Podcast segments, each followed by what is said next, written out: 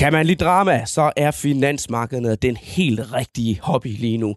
Vi har banker, der krakker, selskaber, der nedjusterer, og aktieafkast, der bliver kastet op og ned. I dag i Børsen Investor Podcast skal vi vende det helt afgørende emne.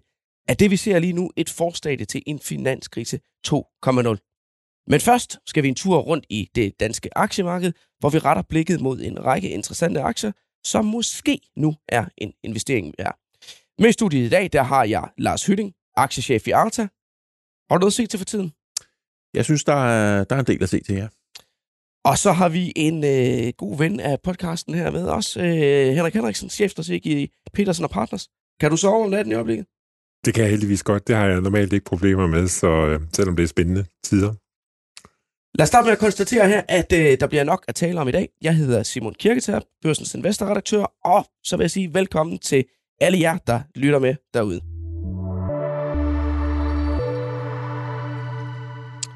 Lars Hytting, er du fan af Ambu? Nej, det er jeg ikke. Men jeg er mere positivt stemt, end jeg har været. I sidste uge, der havde vi jo Abus topchef Britt Milby Jensen med her i studiet, øh, og man må sige, investorerne de har over de seneste år måttet stå model til lidt af hvert i det selskab. Hele otte nedjusteringer, og aktien er braget ned.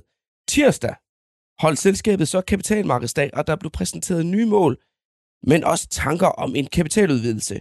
Peter Bækgaard, du er med på en telefonlinje. Godmorgen, ja. Godmorgen, Peter.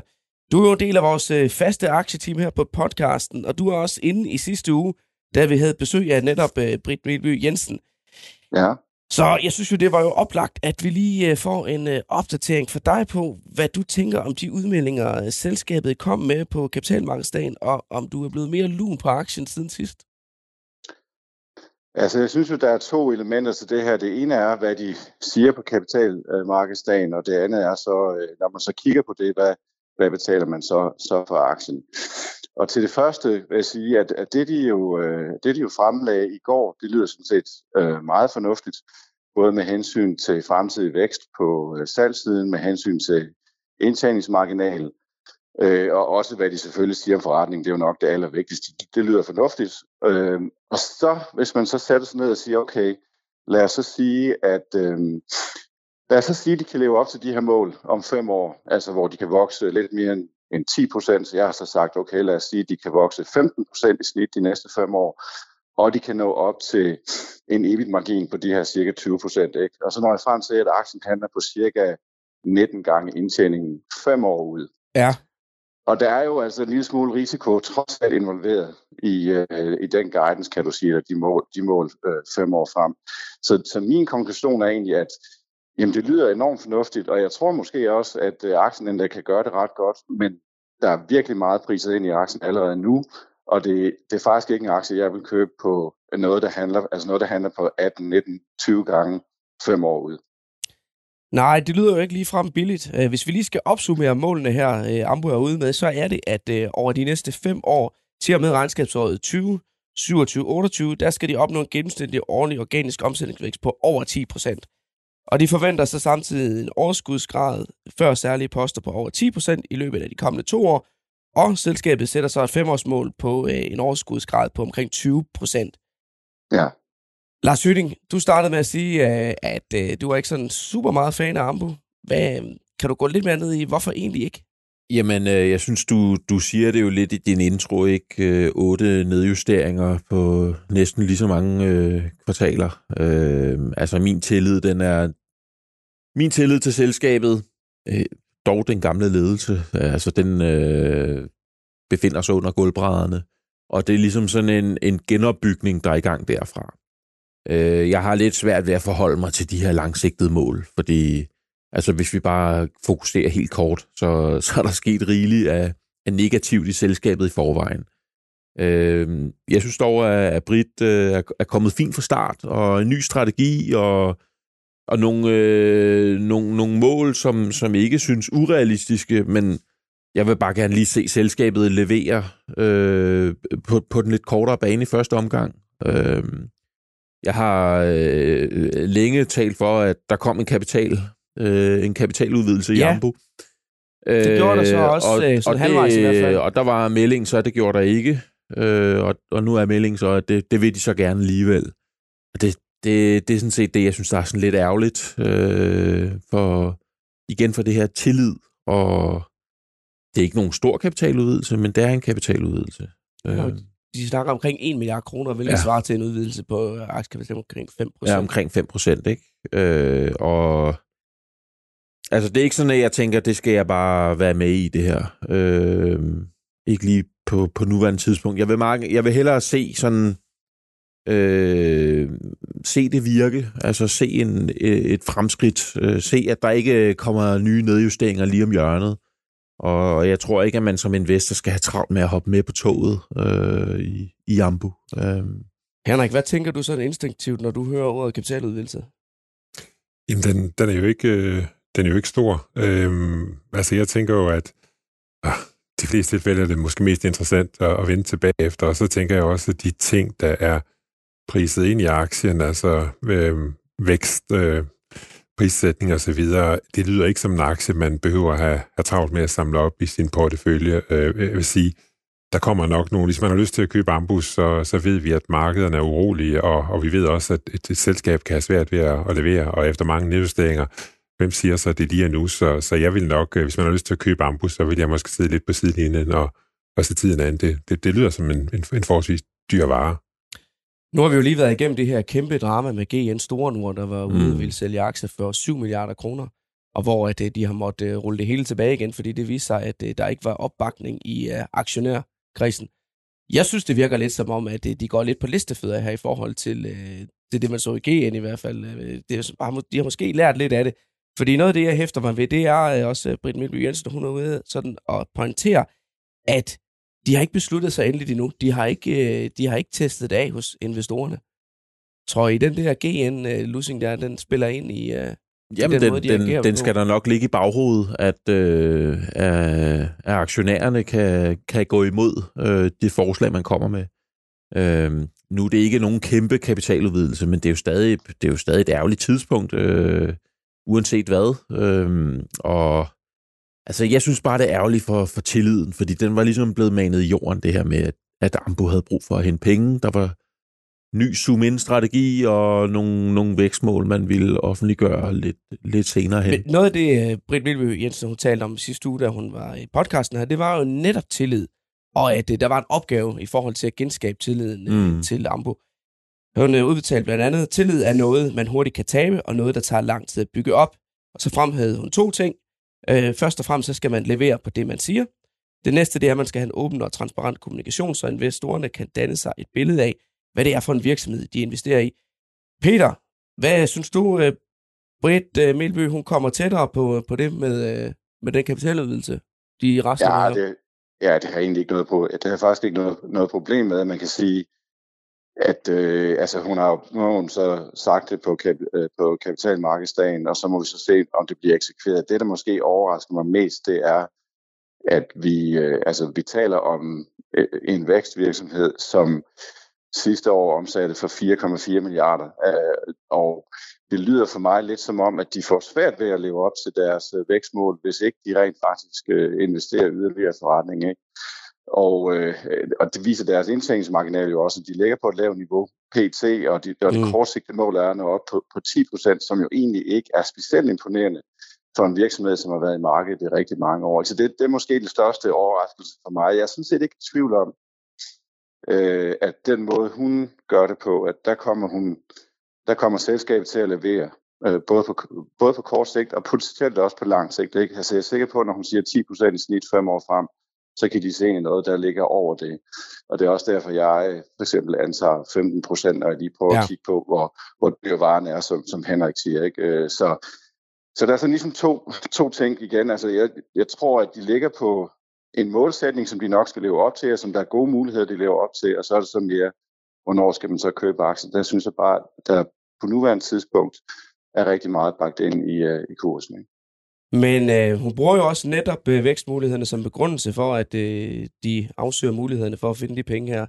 Jeg så, øh, hun udtalte øh, her i børsen i dag, at øh, med de kæmpe vækstmuligheder, vi har, kombineret med ustabilitet, både geopolitisk og økonomisk, så giver det mening at udvise rettidig op Ja, og det, er, og det er jo Og det er selvfølgelig rigtigt, øh, men, men, alli, men alligevel ikke. Altså, så, så, må du, så vil det være interessant at vide præcis, hvad det så er, de skal investere i. Det her så ikke øh, set, om der er nogen specifikation af det, vel?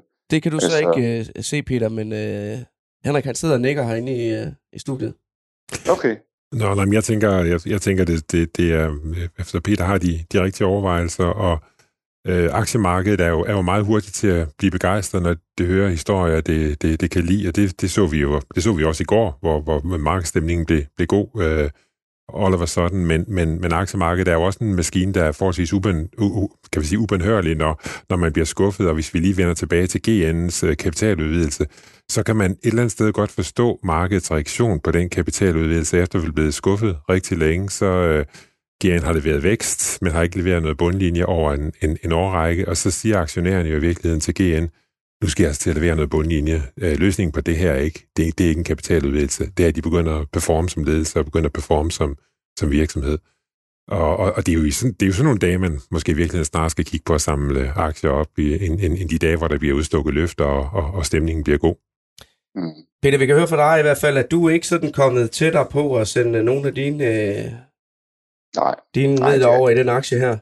Nej, altså, men, det, men for mig at se lige nu har det sådan set mest at gøre med, jeg vil gerne se, at selvfølgelig kan levere. Men det er, det, det er, ikke, det er faktisk ikke tvivl om.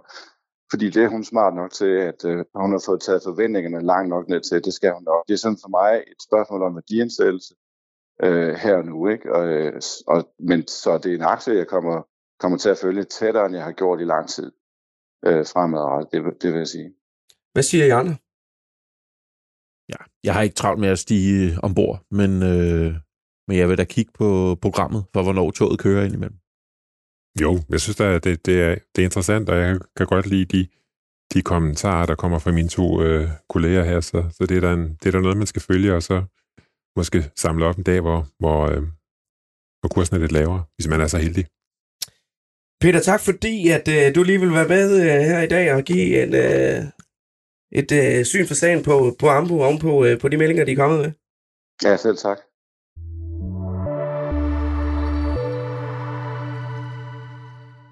Og så skal vi til lidt af en transferbombe på det danske aktiemarked, som faktisk også rammer ned i vores øh, egen portefølje her i podcasten.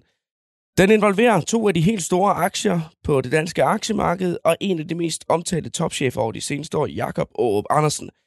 Efter blot to og et halvt år som topchef i ISS, skifter han til Carlsberg, og da den melding den ramte børsmarkedet torsdag i sidste uge, så bragede ISS-aktien ned, mens Carlsberg-aktien den steg, ved børsluk der lå ISS-aktien nede med over 6% øh, på dagen, og Carlsberg-aktien var oppe med over 4%. Henrik og Lars, hvad siger I til sådan en kursreaktion på et uh, topchefskifte?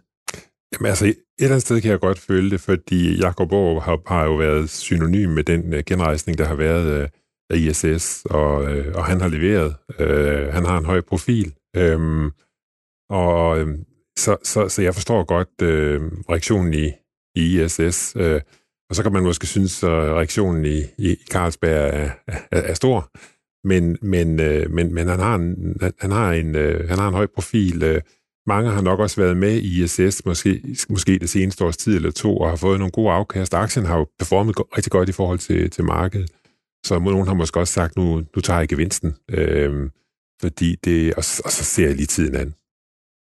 Lars, øh, nu spurgte jeg dig, da vi startede, om du mm. er fan af Ambu. Altså, jeg siger vel ikke for meget, hvis jeg siger, at du er lidt fan af Jacob Aab? Jamen, jeg synes, Jacob er, er vanvittigt dygtig. Øh, I hvert fald i, i de roller, vi har stiftet bekendtskab med ham indtil nu. Øh, og nu er det jo så en, en lidt ny rolle, han træder ind i, øh, i, i Carlsberg. Øh, jeg synes, han, øh, han får, øh, hvad er det højeste, man kan få? Er det 12? Det er det, vi, øh, vi arbejder med i skole, øh, folkeskolen efterhånden. Øh, Altså, det er et stort 12 herfra øh, for den eksekvering, der har været. Øh, jeg, jeg er spændt på, hvad han kan udrette i, i Carlsberg. Men altså, nu er du jo en uh, investor i ISS. Er du ikke lidt utilfreds med, at han smutter derfra? Altså, øh, det er noget, vi har haft drøftet løbende i Arta også, at, at det var ligesom en, en risiko, fordi han har gjort det så godt, som han har gjort. Og vi, vi har ligesom været, været lidt på forkant, og, øh, og altså, det er ikke overraskende.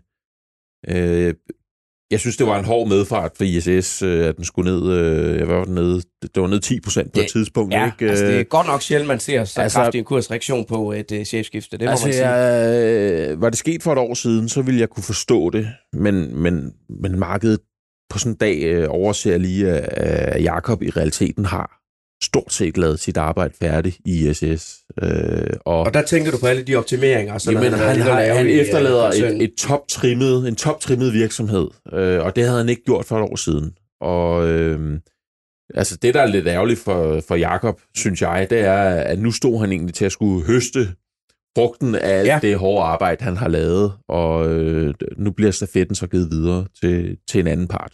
Det er i hvert fald en, en toptrimmet virksomhed, som stadig kan trimmes yderligere, men, øh, men altså, vi er, vi er kommet rigtig langt, og og som aktionær, ja, det, det er ærgerligt at miste Jakob, og ja, det er ærgerligt, at kursen lige drætter. Vi har så også set markedet lige komme, komme lidt til fornuftssiden og, og indhente en del af, af det tabte. Så det, jeg hører dig sige, det er overreaktion på kursen. Overreaktion, ærgerligt, men forståeligt, og øh, ISS kører videre.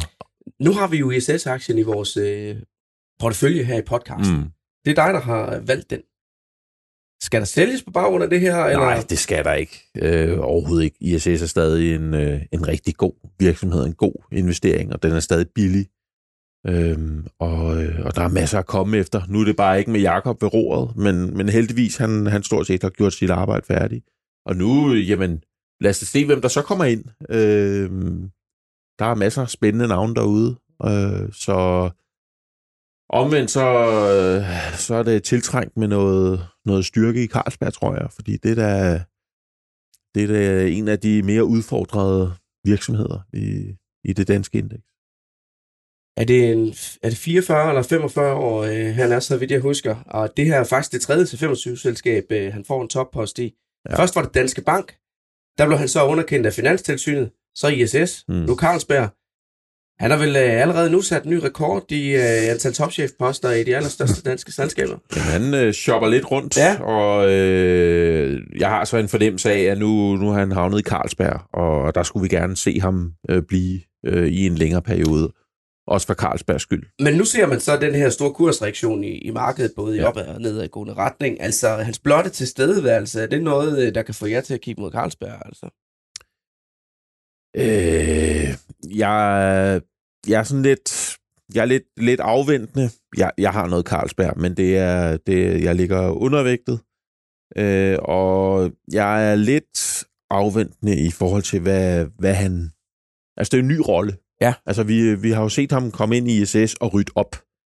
Der skal jo ikke ryddes op i Carlsberg, der skal findes vækst. Så det er jo, det er jo, det er jo en lidt anden situation. Øh, og derudover så, så er der altså en stor udfordring, der hedder Rusland og Kina, som er to ikke ubetydelige markeder. Jeg ved godt, at, at Rusland er sådan, hvad kan man sige, delvis lukket ned, og man arbejder på et salg.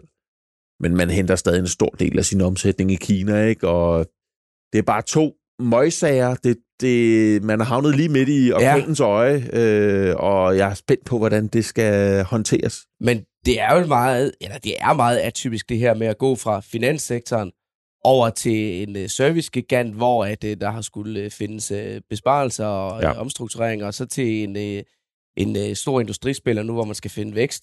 Altså, uh, Henrik, det er vel ikke verdens letteste opgave, uh, Nej, han har påtaget og, og man her. må sige, det er, jo- det er jo et fantastisk CV, han har. Han bliver jo, altså den dag, han bliver gammel nok og ikke øh, gider at være CEO mere, så, så vil alle bestyrelser jo helt sikkert have ham, fordi han har får, får så, så, så bred en viden. Altså jeg har selv, øh, jeg har selv været inde i ISS, og, og, og det var en af de for få øh, aktier, hvor jeg mirakuløst øh, kom ud øh, tæt på, på toppen, fordi jeg synes, den havde, den havde performet godt, så den faldet tilbage nu, og og jeg kunne da godt øh, måske selv, øh, jeg, jeg vil måske snart tænke på at købe ISS, som tingene ser ud lige nu, ja. End, end jeg ville købe øh, end jeg vil købe Carlsberg, fordi den her øh, turnaround er på plads, og nu har den fået en, øh, en mavepumper. Så, øh, så, så øh, uanset at Jacob Orb så er, har forladt virksomheden, så, øh, så tror jeg stadigvæk, at, at der, kan, der kan ligge noget at hente der. Jeg synes jo, der var en bemærkelsesværdig aktiehandel øh, midt i alt det her. Altså, Jacob Aarup, han ejer jo i forvejen en ret stor portion i ISS-aktier. Men dagen efter, at hans skifte det bliver meldt ud, der kommer så også en fondsmeddelelse om, at han har købt yderligere 10.000 aktier i ISS. Det svarer til 1,3 millioner kroner. Altså, øh, det er vel højst opsigtsvægt, at den topchef, der er på vej ud af døren, han lige øh, køber øh, op for et millionbeløb. Det må, det må jo betyde, at når han kigger rundt i butikken, så tænker han, der sidder nogle gode folk her. Øh, de har styr på, hvad, hvad de laver, fordi det er jo ikke noget, han behøver at gøre, og man kan sige, 1,3 millioner har en signalværdi. Det er jo nok ikke noget, der i hans økonomi øh, er, et, er et voldsomt stort beløb, vil jeg ikke tro, men, men, øh, men det er der sådan ligesom thumbs up til den virksomhed, man forlader, det, og man siger, jamen, jeg fik et tilbud, jeg ikke kunne sige nej til, men øh, tak for turen, og, og jeg tror, der er, der er mere tilbage, så hvis man skulle tolke det. Ja, enig. Altså, det, det er sjældent at se, øh, at det går den vej, ja. at man øh, lægger en, en fyrs eller en, en opsigelse og køber dagen efter, men, men altså, han efterlader en god virksomhed. Det, der er ikke så meget andet at, at sige til det.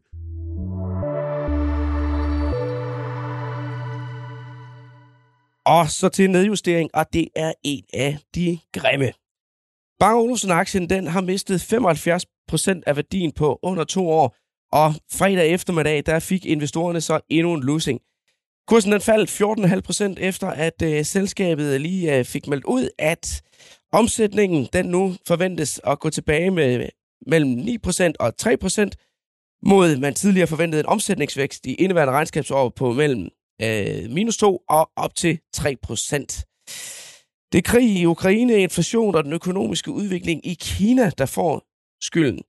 Det er ikke super sjovt at være aktionær i øh, B&O, tænker man.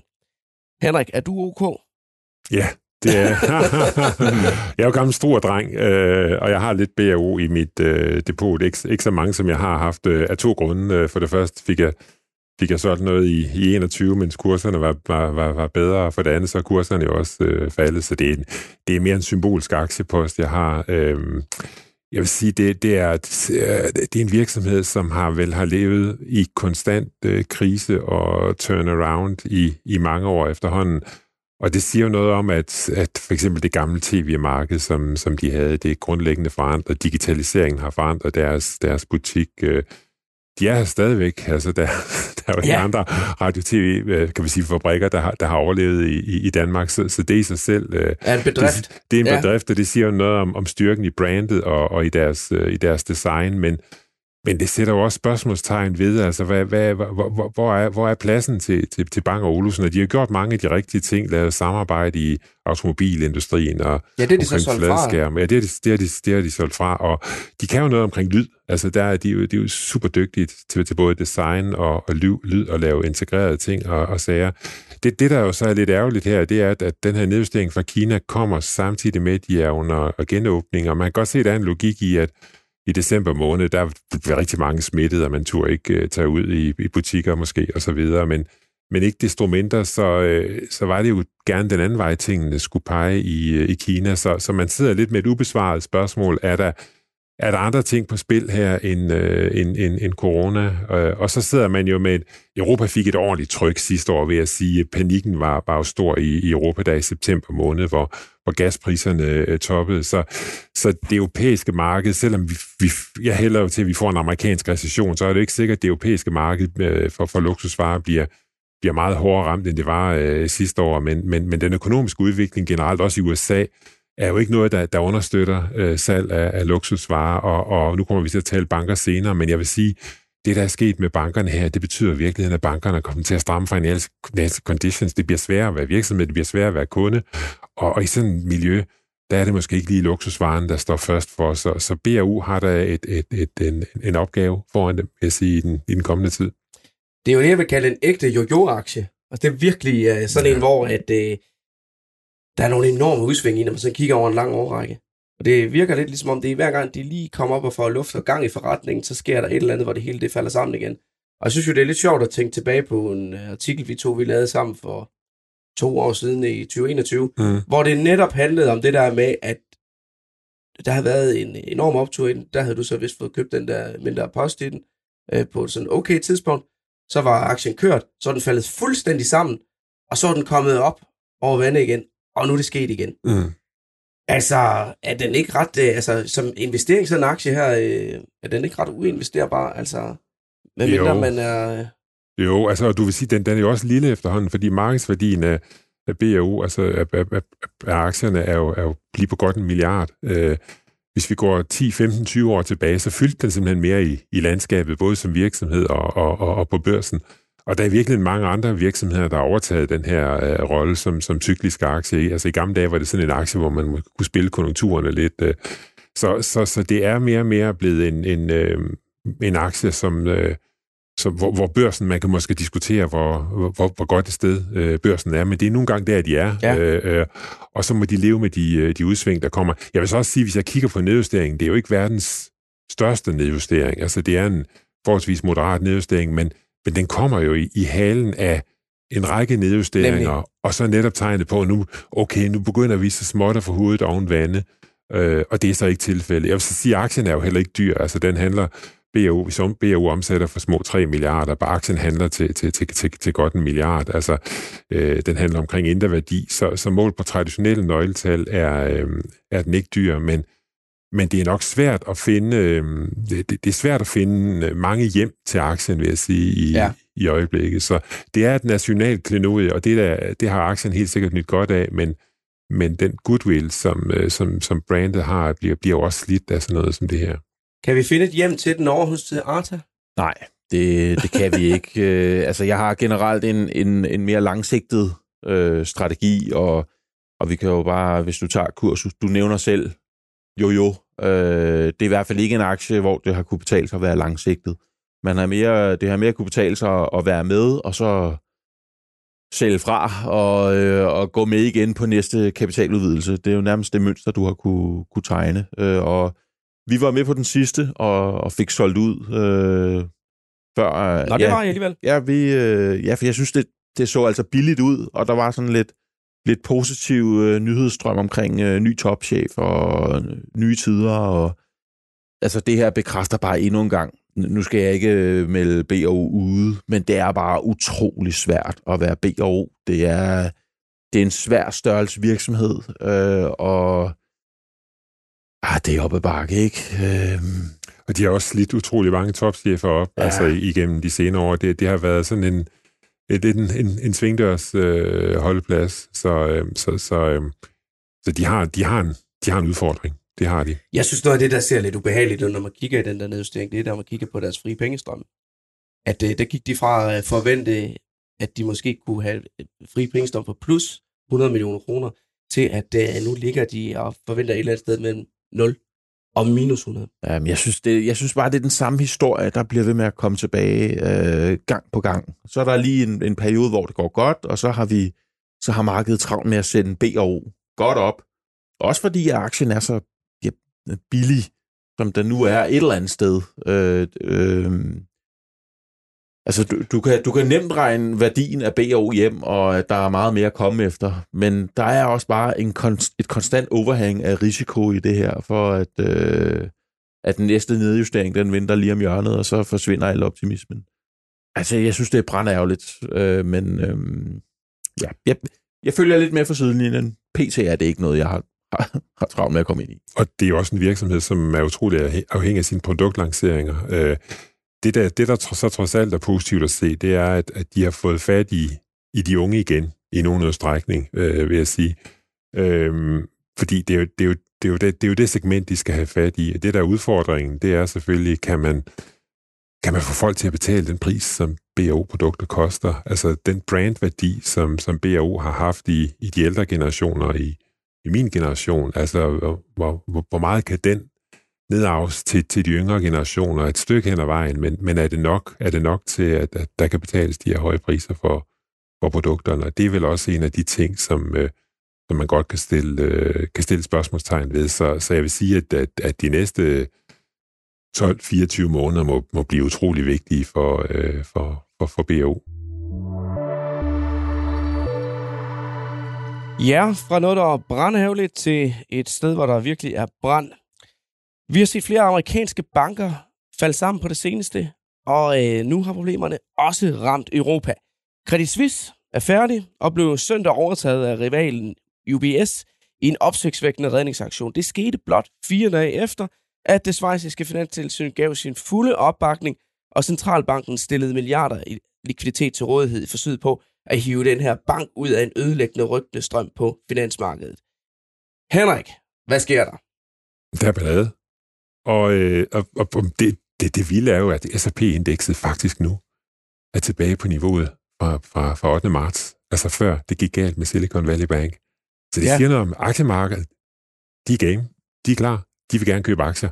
Og der er også sket noget, fordi i virkeligheden så, så Silicon Valley Bank kom jo i en situation, hvor de havde modtaget masser af indlån. Det var den ligesom, første, der ligesom knækkede. Det var den første, ja. der knækkede. De har modtaget masser af indlån fra de her hjælpepakker, og folk kom med deres penge, og så købte de lange statsobligationer, og så tabte de en masse penge på det, og det er rigtig mange, der har gjort. Problemet er, at den amerikanske banksektor markedsfører ikke, eller bogfører ikke obligationer til markedsværdi.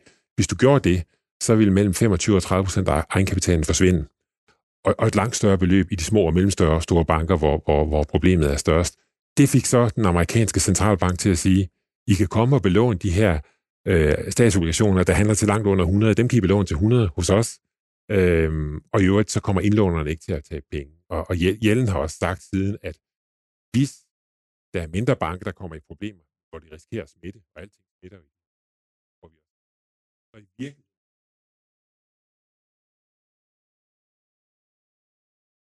i, i USA. Og det kan markederne godt lide at høre. Øh, og det er en god første løsning. Problemet ved det er bare, at det her kommer med en pris. De her banker, selvom du bliver reddet, så, så, øh, så mister aktionærerne deres penge, ledelsen mister deres jobs og, og så videre. Der er altså mange små og mellemstore banker, som siger, det vigtigste for os nu, det er ikke at betjene vores kunder. Det vigtigste for os, det er at overleve. Og, og nu ved jeg godt, nu, ja. nu ser jeg tingene op sort-hvidt. Og vi ved godt at komme hen i en bank, hvor, hvor banken er gået i det mode, så kreditarbejderen, øh, så, så dem, der arbejder med udlån, pludselig så har de en helt anden dagsorden. Det er, så bliver der holdt tilbage. Så bliver der holdt tilbage. Ja. Så der kommer en stramning af financial conditions, der kommer en stramning af udlånsvilkårene, og det er andenordenseffekten. Den har vi ikke set endnu. Øh, den kommer vi til at se i løbet af de næste måneder, og derfor så tror jeg, at den reaktion, vi har set på markedet, jeg forstår godt ledelsen, øh, og jeg forstår også godt det her med, så falder renterne, og det er dejligt, men renterne, de er altså ikke faldet af, af de rigtige årsager. De er simpelthen faldet, fordi der er nogle systemiske problemer stadigvæk omkring banksektoren. Og vi skal huske, de her banker har firkantet sagt ikke tabt en krone på udlån. De har bare været dårlige til at investere i obligationer, så de tabt ja, på obligationer. Jo... Fordi hvad nu hvis der kommer en stramning af financial conditions, og de begynder at tage på udlån på deres kunder, på deres virksomheder osv., så har de mindre at stå imod med på grund af de her store tab på, på ja, det er jo, obligationer. Det er jo ret interessant med den her effekt, hvor du siger, at øh, alle de her penge, der er blevet pumpet ud i økonomien, de er blevet sat ind på indlånskonti, og så har bankerne placeret dem i øh, statsobligationer. Så har vi haft den her øh, meget tiltagende og stigende inflation. Så går centralbankerne ud og hæver renterne. Hvad sker der så? Så falder kurserne på obligationerne. Og så sidder bankerne tilbage med et ordentligt hul i kassen mm. i det mm. øjeblik, der kommer et run mod bankerne, hvor at indlånerne de vil have deres penge ud. Det er godt nok en uheldig situation. Man kan sige, at Fed, Fed er jo at medvirke på begge dele. Jeg vil sige, Fed, Fed en er en vigtig årsag til, at bankerne havnede der i 2020, og de er også en vigtig årsag til, at vi havnede der nu, her hvor vi er nu. Det er selvfølgelig ikke deres skyld, inflationen er stedet, men de må have en vis sympati for de her stakkels banker. De har selvfølgelig været dårligt ledet, de her banker, det er der ingen tvivl om. Ligesom Credit Suisse har været dårligt ledet. Der er dårligt ledet virksomheder everywhere, i alle sektorer, og det er også sige inden for, for, for banksektoren. Men ikke desto mindre, så, så vil jeg sige, så har den pengepolitik, der har været ført, den har både bidraget til, at det her kunne opstå i 2020, at problemerne kunne opstå i 2020, og at inflationen er sluppet løs, og de har skulle hæve renterne så hurtigt, så, så jeg vil sige, Fed, de sidder sådan set, de ligger sådan set lidt, som de har, har ret, hvis man skal være, hvis man skal være rigtig kynisk.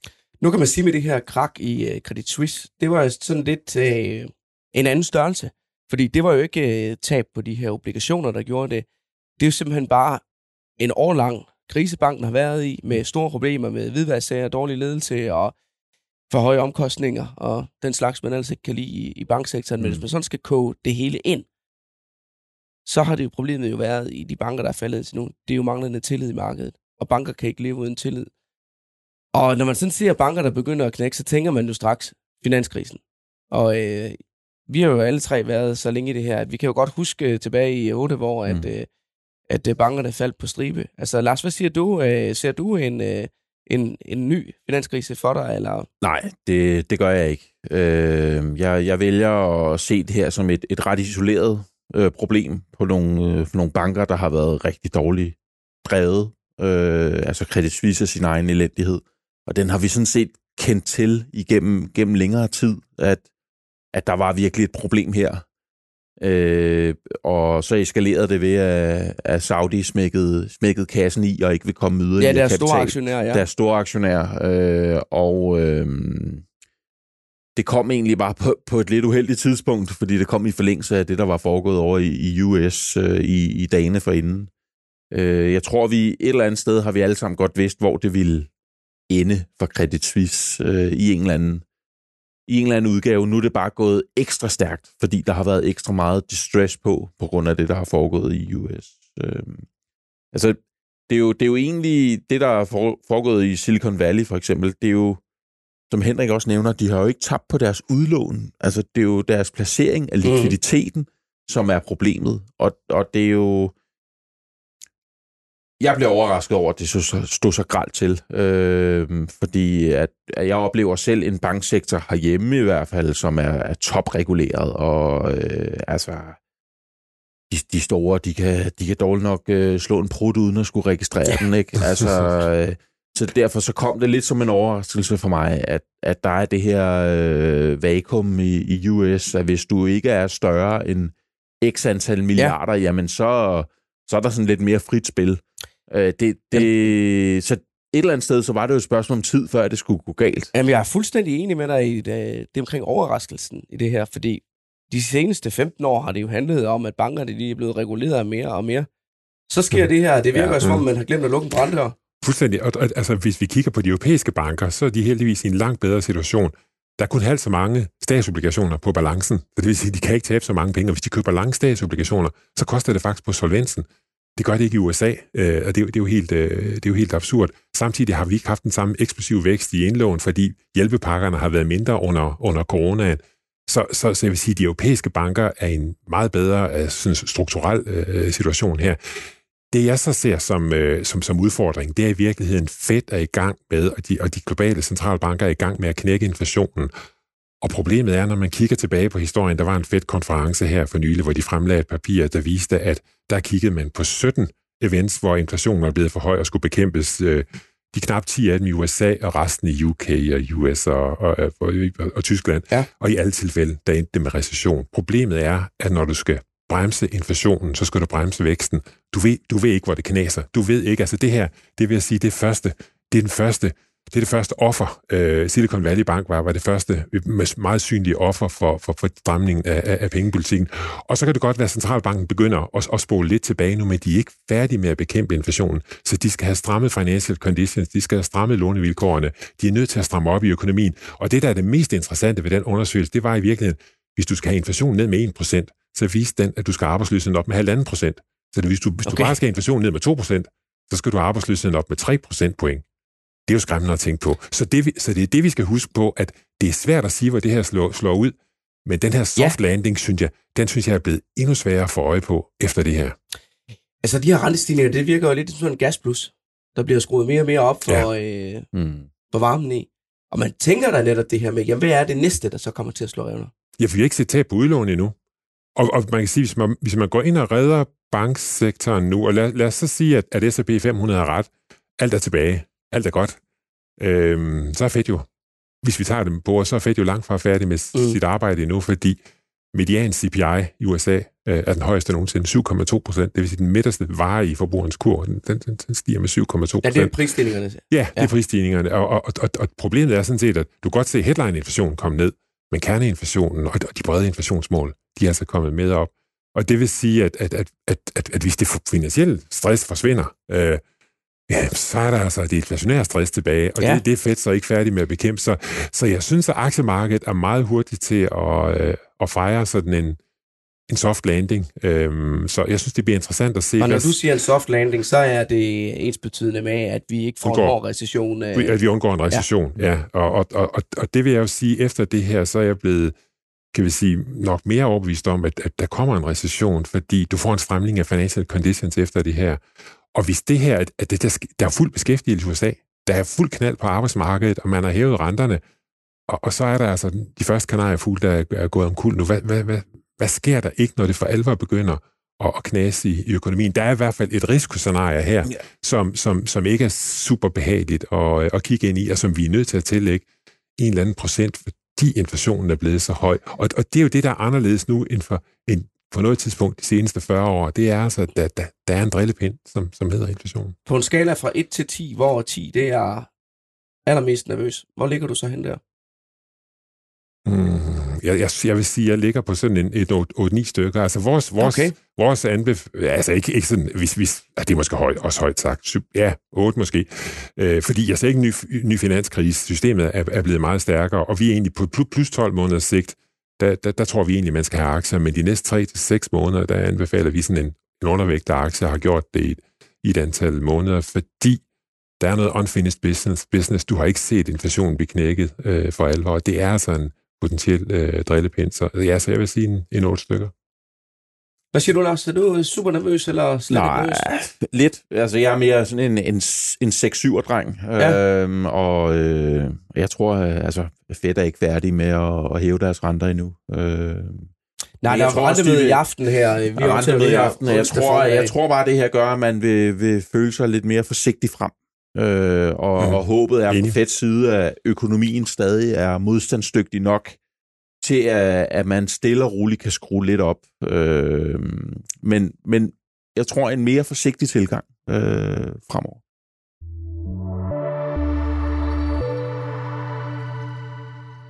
Så skal vi jo også lige nå at runde vores All-Star-portefølje her i podcasten. Og øh, jeg er lige ved at få den frem på min skærm her. Jeg ved godt, hvad det er, vi kommer til at se lige om lidt. Det er nogle tal, der ikke ser sådan super, super fantastiske ud. Det er jo sådan, at øh, vores All-Star-portefølje her, vores øh, faste aktieteam, de har hver især indkøbt to aktier til porteføljen. Saxo Bank, de har stillet en startkapital til rådighed på 600.000. Og øh, nu her knap tre måneder inde i året, så er vi faktisk slået stort set lige præcis tilbage til start. Porteføljeværdien den lyder på 600.900 øh, kroner. Hvad, Lars, skal vi være tilfredse? Nej, det skal vi ikke. Men øh, vi, skal, vi skal hænge i, og øh, det skal nok, øh, jeg synes, det er nogle, nogle spændende selskaber. Så lad os se, om ikke vi kommer stærkt tilbage.